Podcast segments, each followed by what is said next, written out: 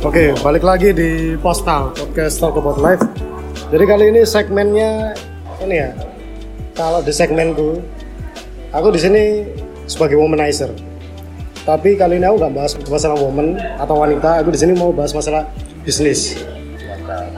Aku ngasih nama segmenku ini yang bodoh bertanya. Wih, jadi kali ini kita lagi di Wis Coffee ya mas? Iya benar. Wis Cafe atau Coffee nih? Coffee. Wis Coffee. Jadi kali ini aku lagi bareng sama Mas Hikam. Hmm, benar. Mas Hikam, salah satu ownernya di Wis Coffee. Oke. Jadi kali ini segmenku aku pengen tanya nih, mungkin teman-teman kan banyak yang kan lagi marah nih usaha kopi-kopian, kopi-kopian. Nah kalau teman-teman ngelihat di Wis Coffee atau di Instagramnya apa? Wis.sub. Huis.sub H U I S dot S U B di Instagram di follow ya. Benar. Jadi kalau di Huis.sub itu teman-teman bisa lihat konsepnya. Ini bukan cafe yang abal-abal, bukan cafe yang cuma sekedar bikin-bikinan atau cafe-cafe yang franchise kayak yang logo-logonya tangan-tangan itulah. Ini cafe yang bener-bener lu bikin cafe yang emang udah konsep. Nah, ini cafe ini kita dapat ini ya privilege untuk uh, ibarat soft soft openingnya Who's Coffee ini. Ini hari Sabtu, openingnya hari Senin besok ya mas? Hari Senin. Hari Senin besok. Oke, jadi Mas Hikam, Mas aku pengen tanya Mas, ini kalau kamu dulu awal buka usaha ini atau kepikiran buka usaha ini tuh gimana ceritanya Mas? Eh, Jadi eh, awal mulanya tuh pertemuan ya. Eh, pertemuan sama sebelum adanya Hobbies Coffee ini ada sebuah konsep kedai. Kita namain atau yang aku ketemuin itu dulu namanya Gria. Gria Sup, Warkop Gria. Sebelum ada Warkop Gria Sup, mungkin dulu pernah pernah booming namanya Humi Cafe Ini, pada zamannya. Hmm. Nah, waktu Humi itu eh, nggak bisa lanjut karena adanya proyek lah, proyek dari pemerintahan yang terpaksa menutup Humi Cafe. oh, oke. Karena eh, kafe-kafe yang kayak gini tuh dipandang sebagai salah satu pemasukan. Lanjut di Gria tadi, karena di Gria ini dirasa kurang menghasilkan, akhirnya dirombak lagi jadilah Huis eh, Huis Cafe. Oh, jadi sorry ini aku mau tanya. Jadi se- sebenarnya tempat ini tuh emang basicnya awal itu udah settingan cafe gitu ya. Iya benar. Terus ini ke pindah tangan dari owner pertama Gri apa? Humi pindah ke Gria, sekarang dipegang sama Huis. Hmm. Ah, Ownernya masih sama sih. ownernya masih sama. dari Humi sampai sekarang sama cuman uh, sekarang konsepnya uh, lebih kolaps atau kolaborasi dengan uh, teman-teman yang lebih paham di bidangnya masing-masing kayak Oh, pemasaran, keuangan, operasional kayak gitu. Hmm. Jadi Mas Mas Hikam ini di sini berarti tim. Iya ada Tim kalau nggak salah empat orang ya empat timnya. orang.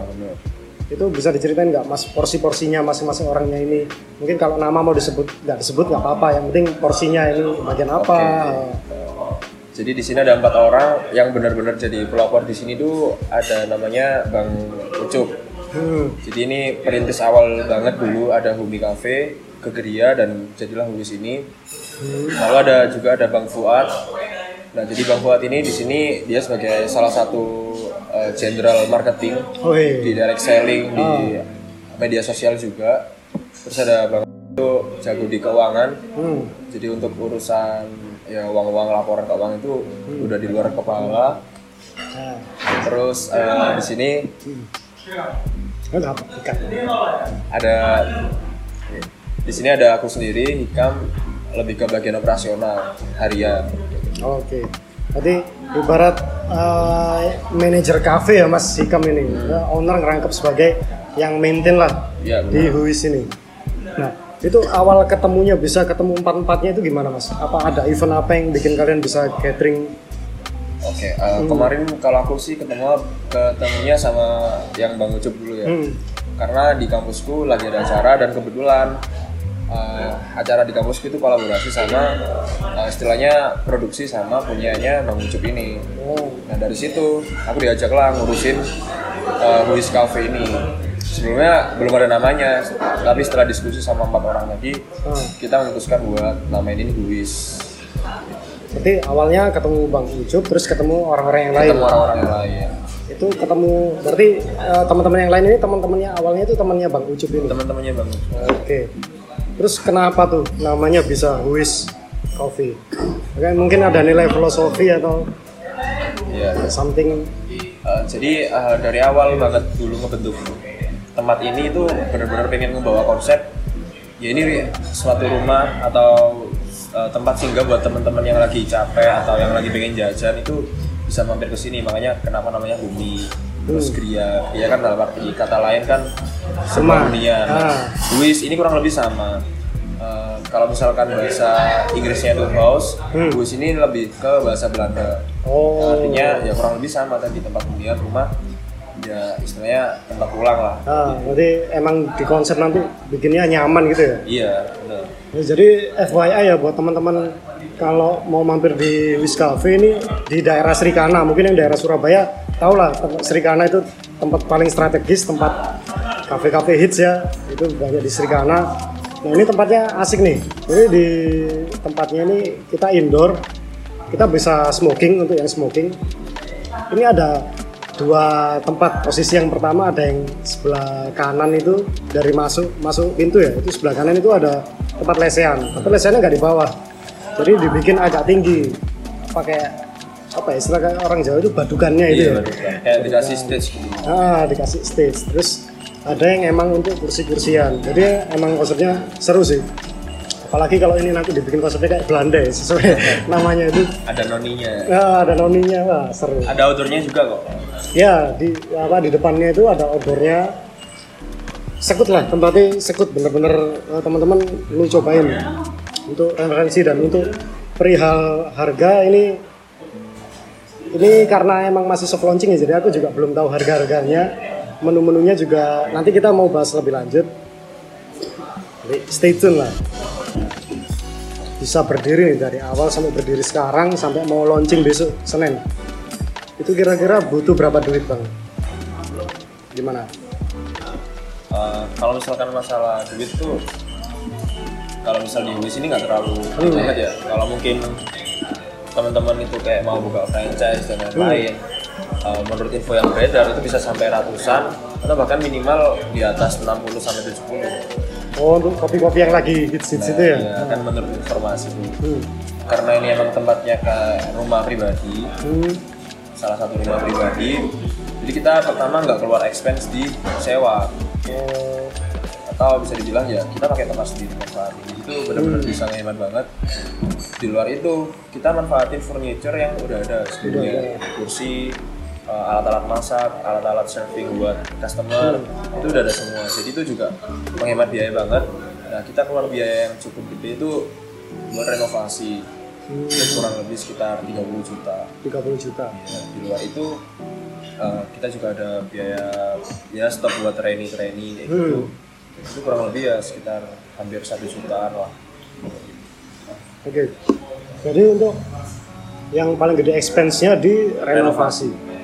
Itu untuk pembagian budgetingnya itu teman-teman patungan atau emang ada yang benar-benar invest? Mungkin dari empat orang itu dibagi rata di 30 juta plus plus expense-nya tadi itu dibagi empat orang atau emang pure? Ini nih salah satu mungkin Bang Ucup yang punya lokasi ini Bang Ucup ya ini mungkin Bang Ucup yang udah untuk masalah invest duit dari aku yang ini jalan atau gimana tuh Bang? kita uh, sistemnya patungan sih Hmm. patungan cuman nggak dibagi rata Hmm. jadi uh, siapa mau invest berapa nanti kita hitungin presentasinya Oh, jadi nanti ngarahnya kembali lagi ke profit ke ini ya persentase ke ah, sharingnya itu. Jadi untuk owner-ownernya ini nanti sistemnya ada kayak dividennya gitu nggak bang? Atau ah, ibarat ada gaji bulanannya gitu untuk yang dipotong itu dibagi para owner atau emang pure dari presentasi itu untuk para owner dapatnya Uh, yang pasti ada presentasinya. Sesuai investnya sesuai tadi. dari investasinya dia hitung 100% tuh Hmm. dapat buat uh, istilahnya balik modalnya dulu itu berapa. Nah, untuk sampai kayak uh, kayak pembagian laba dan lain-lain kita belum sampai fokus ke sana. Karena emang karena emang di sini kita fokusnya pengen uh, nge-build buis ini dulu itu jadi sesuatu yang berbeda dari tempat-tempat yang lain karena kan kita bawa moto creative and collabs kan apa apa creative and collabs Creative and Collabs, oke. Sekut nih ada namanya. Oke. Terus terus. Udah. Nah, untuk masalah renovasi sendiri bang, ini kan eh, kalau ini Huis kan ketolong sama emang ada yang punya properti, ayo dipakai buat usaha gitu. Terus kalau misal nih kayak aku, aku pengen buka usaha kafe kayak gini, itu aku perlu kira-kira berapa duit sih bang untuk ini untuk bisa aku punya properti sewa atau rumahnya gitu ya?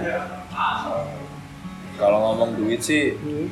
kadang di wilayah wilayah tertentu beda-beda ya Bang. Ah, cuman yang pasti kalau emang punya duit banget ya bisa dibeli eh, wilayah atau rumah yang bisa kiranya strategis buat dijadiin cafe Hmm. atau coffee shop atau resto cuman eh, biasanya dari teman-teman yang buka bisnis nih dia sewa dulu Oh, ada oke. yang per tahun 10 juta ada yang per tahun tujuh setengah ada yang per tahun 20 juta tergantung tempat dan tingkat strategisnya dia Oh benar-benar.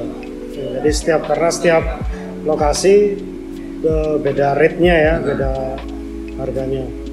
Terus untuk eh, pembangunan sendiri ini konsepnya itu emang ada bagian konseptor untuk eh, ini pakai ini ini untuk catnya pakai ini itu dipikir bareng-bareng atau emang ada dipasrahin ke vendor atau emang satu orang ini yang handle mungkin Mas Hikam ya yang handle operasional itu kayak gimana tuh bang? Uh, ya itu ada itunya sih. Jadi jadi ada planning awalnya di WIS ini mau dibikin kayak gimana. Hmm. Itu dipasrahin, dipasrahin ke satu orang.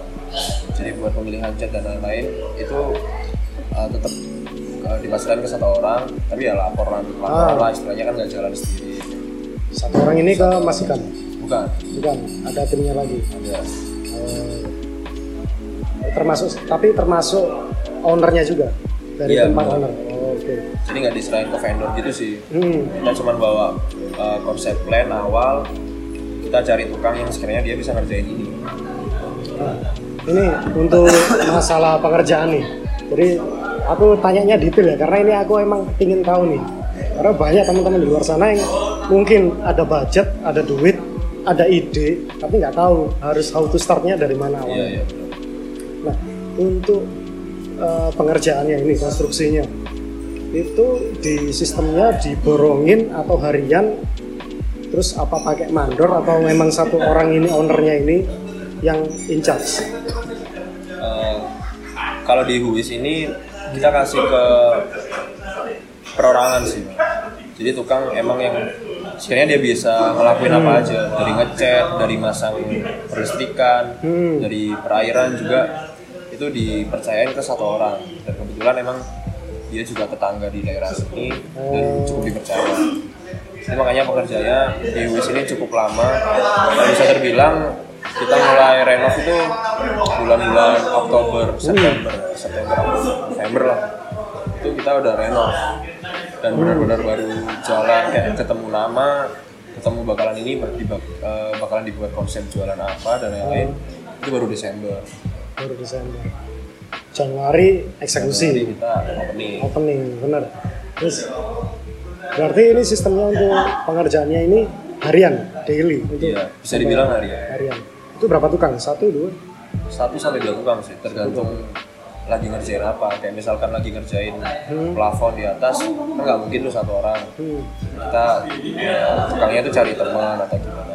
Cuman kalau buat cuman masang listrik atau benerin pot pagar gitu-gitu satu orang satu orang cukup ya ini boleh tahu nggak Bang? kira-kira per harinya untuk tukang-tukangnya itu berapa kalau standarnya di Surabaya tuh perharinya 100 sampai 125 sih apa pun pengerjaannya asal sehari segitu Apa pun. oh jam kerja hmm. itu kita berarti eh, kalau budaya Jawa kan biasanya kita ngasih makan ngasih rokok itu tetap bang di sini atau 125 all in Uh, tetap sih cuman kadang ya tukangnya beli rokok sendiri dan lain-lain Hmm. karena emang rumahnya deket oh iya. pulang pulang makan. bener-bener. Terus ini nih, untuk masalah konstruksi udah jadi ceritanya udah jadi. Oke jalan. Nah, terus untuk mengisi para SDM-nya otomatis kan dari owner-owner ini kan butuh pekerja-pekerjanya untuk Benar. servernya untuk baristanya. Kitchen. nah, kitchen itu gimana? Open recruitmentnya kayak gimana? Terus resource-nya apa? Ini teman-teman sendiri. Gitu Jadi emang karena uh, kita baru banget ya, Hmm. baru jadi itu Desember. Kita open recruitment tuh kemarin sekitar tengah Januari. Hmm. Kita ada dua tahap. Yang pertama interview satu. Nah dari interview satu tadi kita proses lagi atau kita saring buat di interview kedua.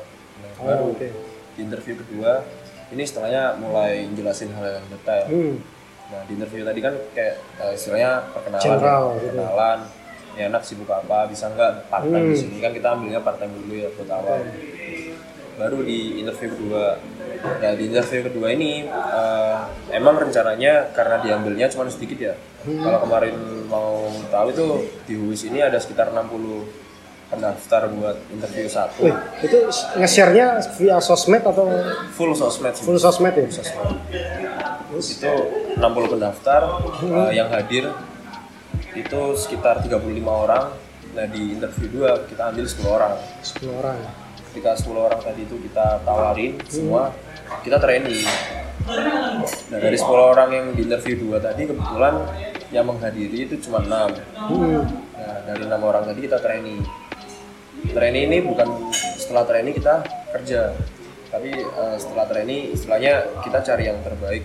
Oh, dari berarti masing-masing orang dalam masa on the job training lah ya. Iya, on the job training. Oh, oh. Jadi selama training tadi ya kayak Indonesian Idol dan Oke. lain ada Ah, sistem gugur. sistem gugurnya kayak gitu.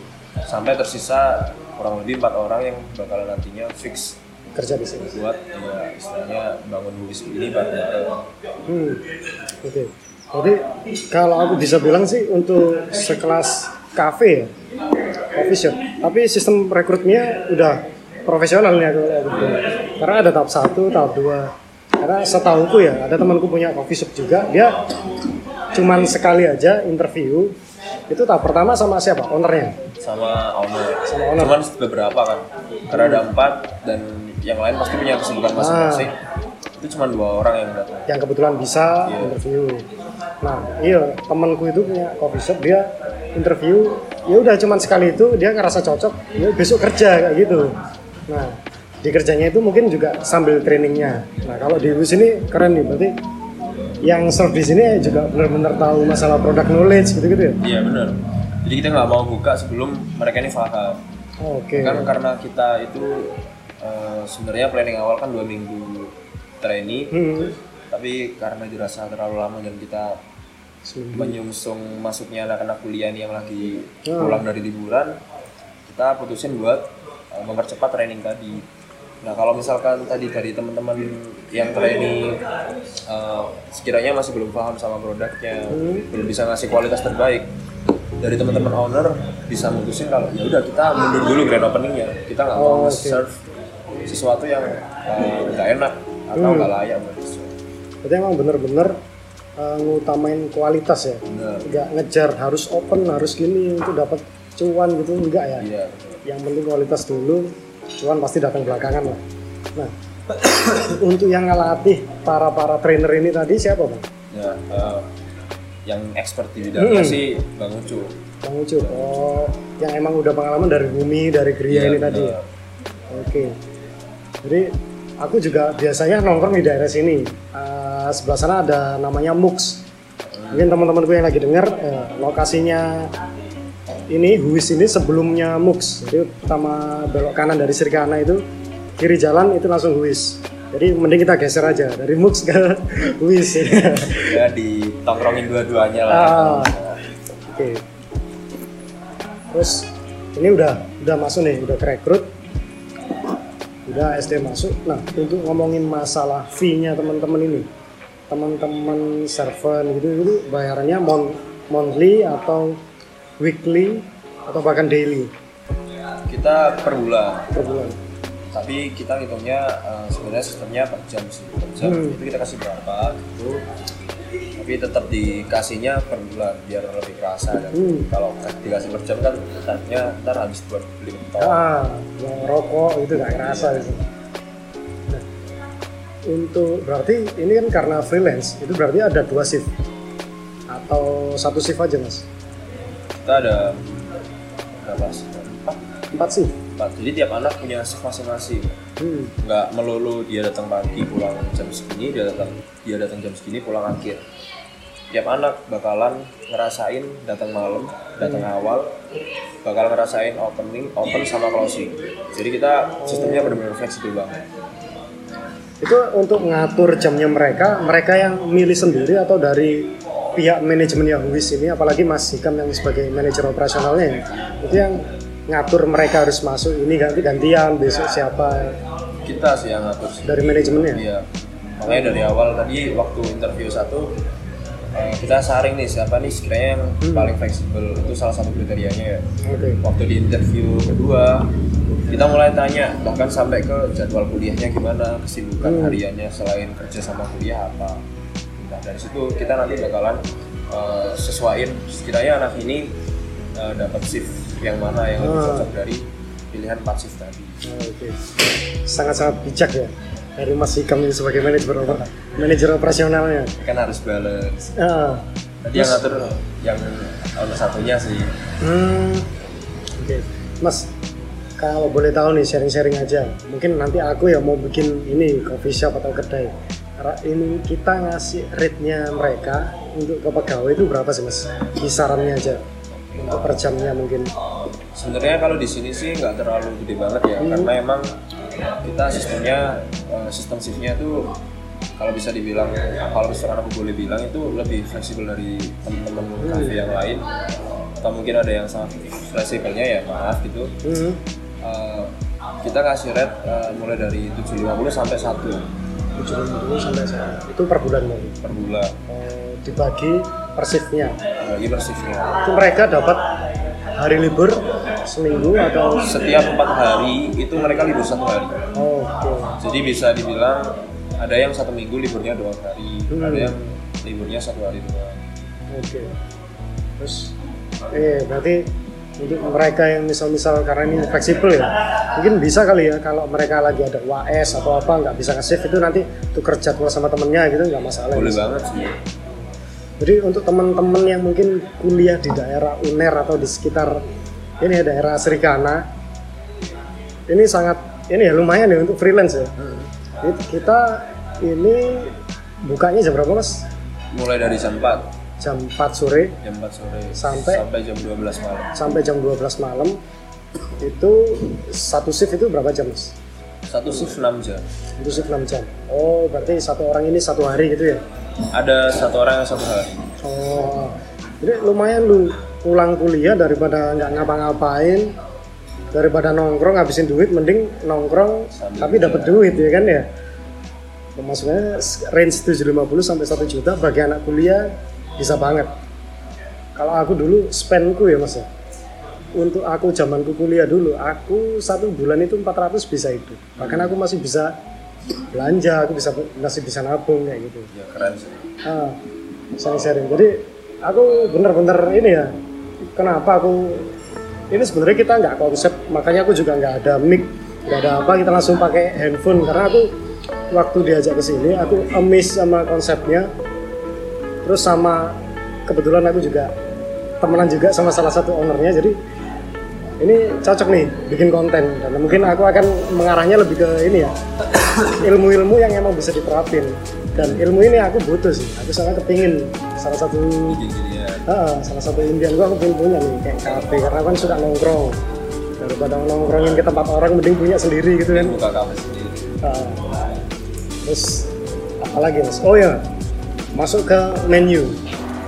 Pilihan-pilihan menunya. Itu apa bawa dari dulu yang zamannya Huni Gria diadaptasi ke sini atau emang bener-bener owner-ownernya ini rembukan untuk nentuin menu-menu menu-menunya kita rembukan sih. Jadi karena emang zaman berubah, Hmm, bahkan tiap tahun ada tren menu makanan baru. bener-bener. Intinya kita nggak bisa mukul rata kayak begini atau Hmm. kayak dia. karena emang dari konsep kafenya aja udah beda akhirnya kita uh, rumuskan ini benar mau dikuatin di namanya mau jualan apa kalau misalkan ditanya menu kita ada enam enam best pertama espresso best terus ada signature coffee ada milk ada soda ada food. Ada lengkap ya hitungannya? Ada frappe juga kurang satu. Jadi ini menu-menunya awalnya ini uh, taunya itu dari mana bang? Kayak aku kan misalnya aku pengen bikin menu ini frappuccino atau pengen kayak yang aku pesen ini es kopi pisang. Nah itu menu-menunya itu Google kah atau emang ada orang yang tahu untuk sharing ini? Hmm, secara resep gitu ya. Mm-mm. Tadi sih kita punya satu expert Oh, makanan ah. tadi Bang Ucup. Jadi dia emang tinggal istilahnya dari pengetahuannya diimprove ke menu-menu yang sekarang. Hmm. Ya, Berarti dari menu yang lama kita modifikasi ke yang baru gitu ya. Wah, seru-seru. Terus untuk mesin-mesinnya sendiri mas, apa itu mesin-mesin itu udah include dari Bang Ucup itu tadi atau invest lagi untuk di mesin? Eh, kalau mesin sih kita seadanya dulu ya kayak bikin espresso ya kita pakai kompresor dulu sementara grinder juga masih yang grinder sederhana yang kecil itu terus eh, alat-alat yang lain kayak milk jugs, eh, milkshake, shaker terus gelas ukur dan lain-lain udah ada semua sih Udah ada semua. jadi kita nggak expand buat beli mesin atau alat apa Hmm. Bener-bener enak ini nih. Bisnis udah lokasi gak bayar, tempatnya strategis, Alat tempatnya gede, alat-alat lengkap. Wah, sekut banget ini. Seandainya ya saya sudah masuk juga ke bisnis ini, wah. Salah satu impian saya juga. Amin amin segera Semoga ya mas. Terus untuk dari Dwi sendiri ini ada target gak mas? Misal kayak daily targetnya harus berapa produk yang terjual atau per bulannya harus gimana gitu? sebenarnya kalau target sih pasti ada ya semua kita berbisnis uh, pasti ada Hmm, target bisa kalau target. nggak ada target ya buat hobi doang Ah, ya rugi. hanya sultan yang bisa gitu lah Ah, Uh, kita ada target itu sehari kalau bisa dapat 30 alhamdulillah banget. Atau per minggunya kita target sekitar 125 orang. 125 orang. di luar target uh, visitor kita juga ada target karena kita membawa nama Creative and Collabs ya. Kita Hmm. bisa collabs sama acara-acara yang ada di terutama di Surabaya. Misalkan Oh, ada konser musik atau emang ada yang pengen ngadain teman-teman dari komunitas film bisa screening di sini atau bedah buku di sini kita open banget Oh betul betul. Iya nih. Ini bener mas itu potensi pasar yang emang lagi marak karena banyak komunitas. terus kayak ini nih lomba-lomba game gitu kan ya. Lomba-lomba game dan lain sebagainya. Seru. Jadi ini bakal bakal kayak gitu sih emang kalau by event ya. Jadi emang carukannya besar. Bisa bisa. Terus untuk eh, udah ada strategi khusus nggak mas untuk masuk ke komunitas-komunitas itu atau cuma nge-share nge-share promosinya by sosmed atau masuk ke komunitas-komunitas jemput Ya. bola mungkin istilahnya untuk sementara nih karena emang kita bener-bener lagi fokus banget buat grand opening besok Hmm. sejauh ini belum ada cuman pasti kita istilahnya pengennya jemput bola dulu Hmm. buat ke teman-teman komunitas nawarin lah istilahnya Oke. Semen- Sampai saat ini sudah sudah ada beberapa komunitas mungkin yang udah inden tempat gitu. kalau komunitas sih belum sih cuman kita kemarin sempat kontak beberapa selebgram buat diundang ke sini Ya, Review gitu ya. review. Itu kita bayar bayar dia atau gimana mas kalau misal kita ngundang selebgram sebenarnya sih bayar sih Hmm. cuman balik lagi ke tadi kita nego-nego dan lain-lain jadinya nggak bayar Oke. Seru-seru. Siapa? Kalau boleh tahu siapa tuh selebgramnya? ada lah beberapa lah ntar tanggal 27 aja datang Oh ditunggu tanggal 27 Januari ya. Langsung ke Huis Coffee, Jalan Serikana. Nah, kalau ngomong masalah menu itu rate-nya ini berapa mas? Di kisaran berapa? kita ada harga dari sekitar 10.000 sampai 25.000 sepuluh ribu sampai dua puluh lima ribu itu untuk beverage-nya? Food and beverage. food and beverage. Untuk yang sepuluh ribu itu mungkin kopi ya? Es kopi gitu teh. Terus untuk yang signature-nya yang ditonjolin dari Luis menunya itu apa mas? Eh, kita ada americano cappuccino sama cafe latte dulu sih kalau ngomongin masalah kopi-kopi itu kan di tempat-tempat lain ada nih terus yang membedakan dari americanonya toko sebelah ke cafe latte-nya ke toko sebelah sama Luis ini apa mas? yang bedakan? Wah, kalau dibilang bedanya sih yang pasti kita punya resep sendiri ya Ah, mungkin ntar cappuccino-nya lebih strong coffee-nya atau apa Hmm. banget kalau dari aku sendiri sih jujur jarang ngopi signature coffee di uh, shop coffee shop dekat-dekat sini. Hmm, biasanya sih kalau itu lebih suka uh, kopi-kopi gula-gulaan gitu. Oh, saya kan suka bikin marah ya. nongkrong sama temen. Nah.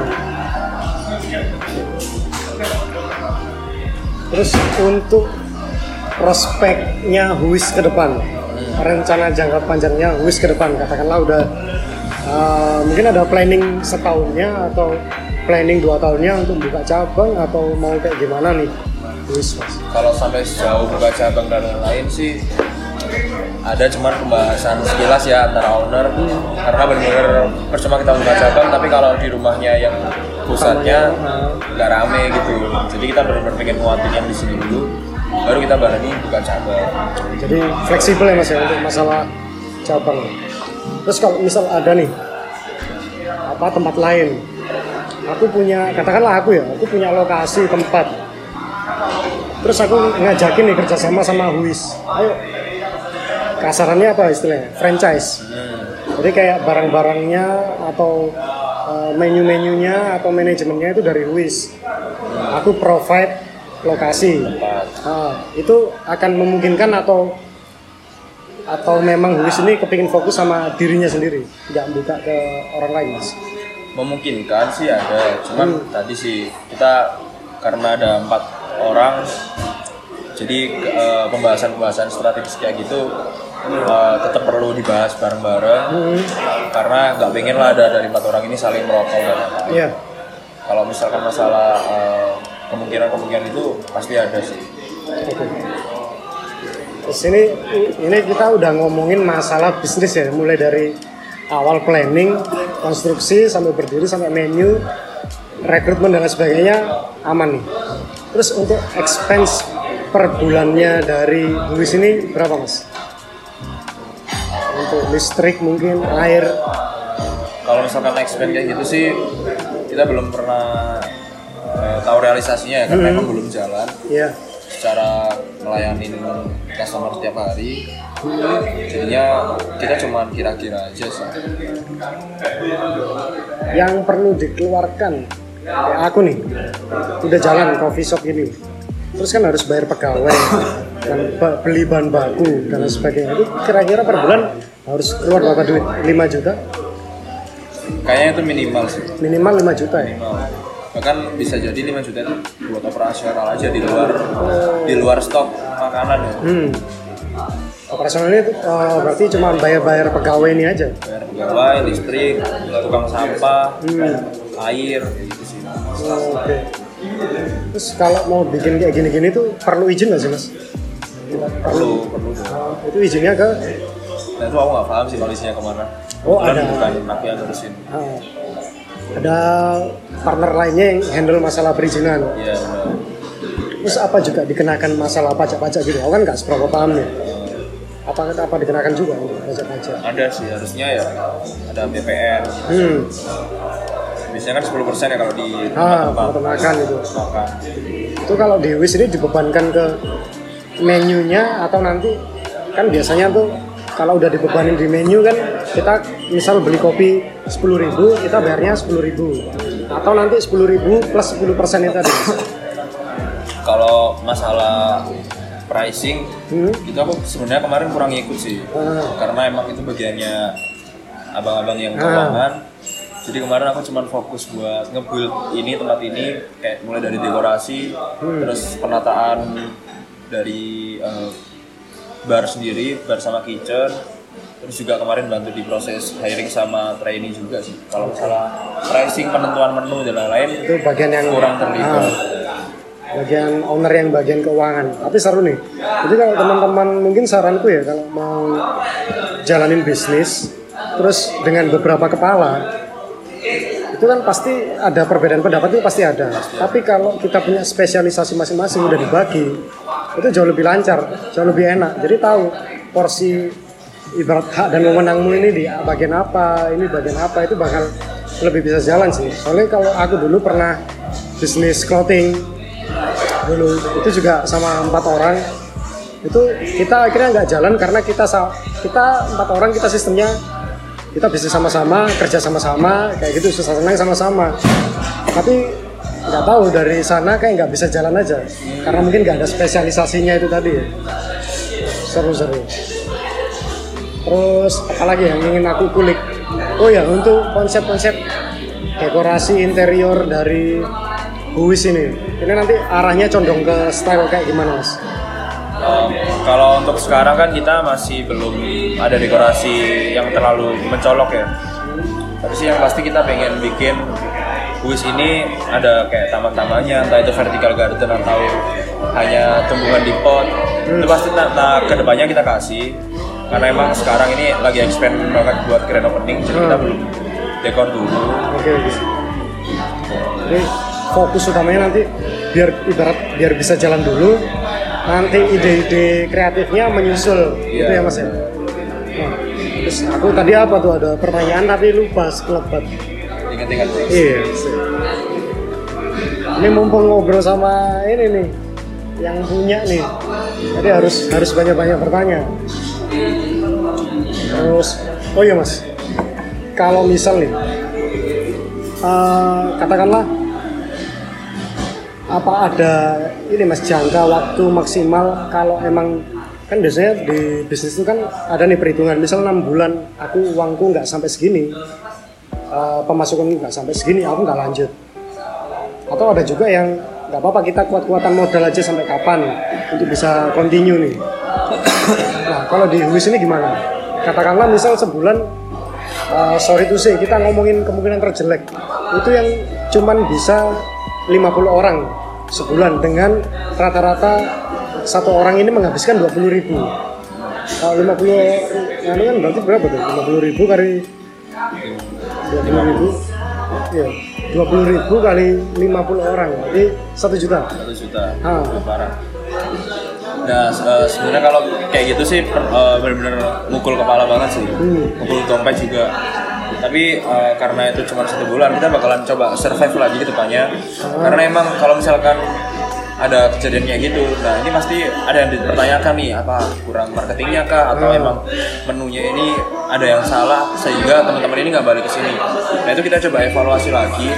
Yang pasti kita eh, kalau target per bulannya itu kita bisa survive. Survive dalam arti kita BEP buat nutupin operasional buat stok aman buat bayar karyawan aman nah kayak gitu eh, kita aman dan bakalan lanjut sih kalau Oke. misalnya ngomongin balik modal kita nggak ada target karena ya sebenarnya yang lain juga udah pada kerja udah punya Hmm. duit kayak gitu jadi enak nih bener-bener fleksibel ya dari di manajemennya Hui sendiri nah terus eh, itu kalau misal case-nya itu worst case ya kalau emang bener-bener itu satu bulan segitu pemasukannya dua bulan segitu. Nah itu sampai berapa bulan yang bisa diantisipasi sama Luis Eh, kita pasti nyiapin istilahnya dana cadangan. Hmm, dana cadangannya dana dana hidup. Itu kalau misalkan aku di kuliah itu expand per bulan dikali tiga bulan. Hmm, kita harus nyiapin dana segitu buat seenggaknya hidup tiga bulan. Hmm, nah karena emang ya itu worst case ya. Susah dijawab juga. Eh, bakalan dipertimbangin lagi buat entah ganti konsep kah entah tutup kah. Hmm. yang pasti kita bakalan nyoba terbaik mungkin karena tiga bulan itu juga bukan waktu yang sebentar. Ketika ada kejadian sebulan kayak gitu dan terpaksa evaluasi gitu ya mas? terpaksa di kedua itu pakai dana cadangan tadi. Jangan sampai kita ngulangin eh, kejadian yang di bulan pertama itu. Gitu. Di luar itu kita juga cari permodalan permodalan yang lain entah dari oh iya pemasukan terus kalau ini aku ngomong masalah ini ya masalah dapurnya dari Huis Management. Kalau expense-nya itu udah dihitung nggak mas? Untuk per bulannya karena kan ini udah ada karena kan udah ada pegawainya udah ada barang-barangnya udah dibeli. Nah expense yang sebenarnya kayak yang aku tanyain tadi sih tapi ini lebih ke Huis kalau Huis sendiri itu per bulannya expense-nya untuk BEP itu berapa mas apa belum dihitung atau sudah mas Oh, ya. Dalam artian kita cari aman itu buat biaya listrik, biaya air, sama biaya pegawai ya. Itu kurang lebih sekitar 5 sampai 10 juta di luar stok. Karena stok kan pasti kita menyesuaikan sama sepi ramenya pengunjung kan. Nah kalau buat aman tadi seperti itu sih. Terutama yang paling kita duluin masalah listrik, air sama pegawai tadi. katakanlah bulan ini dapat 5 juta itu masih aman mas Masih atau aman. atau sudah harus evaluasi Itu masih aman sih. masih aman ya oke jadi ini kan 5 juta di luar stok tadi ya. ah, di luar stok makanan ya Stok aman lah istilahnya. ini kan akhirnya kita sama teman-teman yang mau bikin usaha kayak gini-gini kan ada gambaran harus per bulannya berapa terus kalau mau dari awal itu berapa gitu. Oke terus final question mas. Untuk dari mas Hikam sendiri. Oh sebelum final question ya ada lagi nih yang aku ingin tanyain. Untuk menjaga keharmonisan antara empat owner ini pasti kan empat kepala beda-beda pasti ada namanya bertengkar ada yang namanya nggak ses- eh, nggak sejalan idenya. Ada, ada. itu cara eh, menghilangkan nggak mungkin tapi meminimalis itu untuk bisa jalan itu gimana mas Ren? kalau strategi dari Mas Hikam sendiri? Nah, yang pasti sih kita sebagai individu karena nggak jalan sendiri kita harus nurunin ego masing-masing. Karena istilahnya kita harus eh, ngerasa ya, ini milik bersama. Nggak bisa satu jalan satu enggak. Nggak bisa yang ini jalan sendirian harus itu di luar itu di luar nurunin ego. Kan itu kontrol diri masing-masing ya ada yang bisa ada yang enggak. Karena kita ada empat ketika yang satu sama yang satu ini berseteru satu yang lain pasti eh, mencoba menengahi. Oke. enaknya di situ sih bang. Jadi karena apa ya ibarat kita harus ngerti porsinya kita lah udah udah kita sama-sama dewasa kalaupun nggak sesuai sama ide. Dan untungnya teman-teman yang lain backup nggak malah ngomporin ya mas ya? Benar-benar mungkin karena teman-teman yang lain ini udah terlatih masalah bisnis mungkin masih masih kem juga ya udah. Jadi mentalnya itu bukan mental-mental orang yang egois tapi yang Amin, amin. ini ya merda emosi untuk untuk kelanjutan bisnis. Terus, final question gue nih. Untuk Mas Hikam pribadi yang diharapin dari sebagai owner ini ya itu pribadi. Apa nih achievement yang dari Mas Hikam pengen? Kayak misal aku pengen punya rumah aku pengen punya mobil atau cita-cita lain yang based on Wish Coffee? Kalau secara cita-cita pribadi ya, buat Huis yang pasti survive selama-lamanya. Karena kalau misalnya kita ngomongin bisnis itu kita nggak cuma ikut tren, tapi emang bisnis yang berhasil itu yang bisnis emang nggak bakalan tutup meskipun kita ntar mati. Itu namanya bisnis yang sukses ya kalau menurutku. Harapannya terbesar. Kalau misalkan emang kayak beli rumah, beli mobil itu di luar ya ibaratnya di luar dari Huis lah hmm. itu ntar kan juga bisa kerja yang lain dulu. Sebenarnya di bisnis ini pengen bener-bener pengen bikin uh, rumah teman-teman dan yang lain buat mampir nongkrong di sini buat kolaborasi juga bisa. Ngomong-ngomong Mas Hikam ini ke- kesibukannya sehari-hari selain punya bisnis coffee ini apa kerja reguler juga kah atau Kuliah. Kuliah? Di UNER, UNER. jurusan? Manajemen. manajemen. Wah cocok banget ya udah sesuai udah kuliahnya manajemen kerjanya manage. Ini kalau Mas Hikam ini ngelamar kerja ini pasti banyak kan diterimanya. Langsung simulasi karena udah udah punya ini ya ilmunya udah dapat aplikasinya udah dapat oke sebagai penutup mungkin dari Mas Hikam apa nih tips and trick atau saran-saran untuk para para ini ya orang-orang yang mau buka usaha coffee shop atau cafe mungkin ada tips and trick yang gitu. Yang pasti kalau dari aku sih jangan mulai bisnis itu karena pingin punya bisnis itu. Tapi karena emang niat gue dihidupin bisnis itu karena kalau sekedar pingin aja nggak lama pasti kita kalah sama tren-tren sama bisnis-bisnis yang istilahnya lebih gede dari kita. Itu benar-benar bisa matiin kita kalau kita cuma sekedar pingin sedangkan kalau misalkan kita nih di bisnis ini kita bakalan mikirin caranya survive di tiap bulannya tuh kayak gimana. Caranya berinovasi dan caranya tetap ngembangin bisnis ini tuh kayak gimana tarik kesimpulannya berarti harus komitmen ya mas ya sama emang yang teman-teman niatin. Oke. Mungkin itu aja nih karena ini tempatnya semakin rame.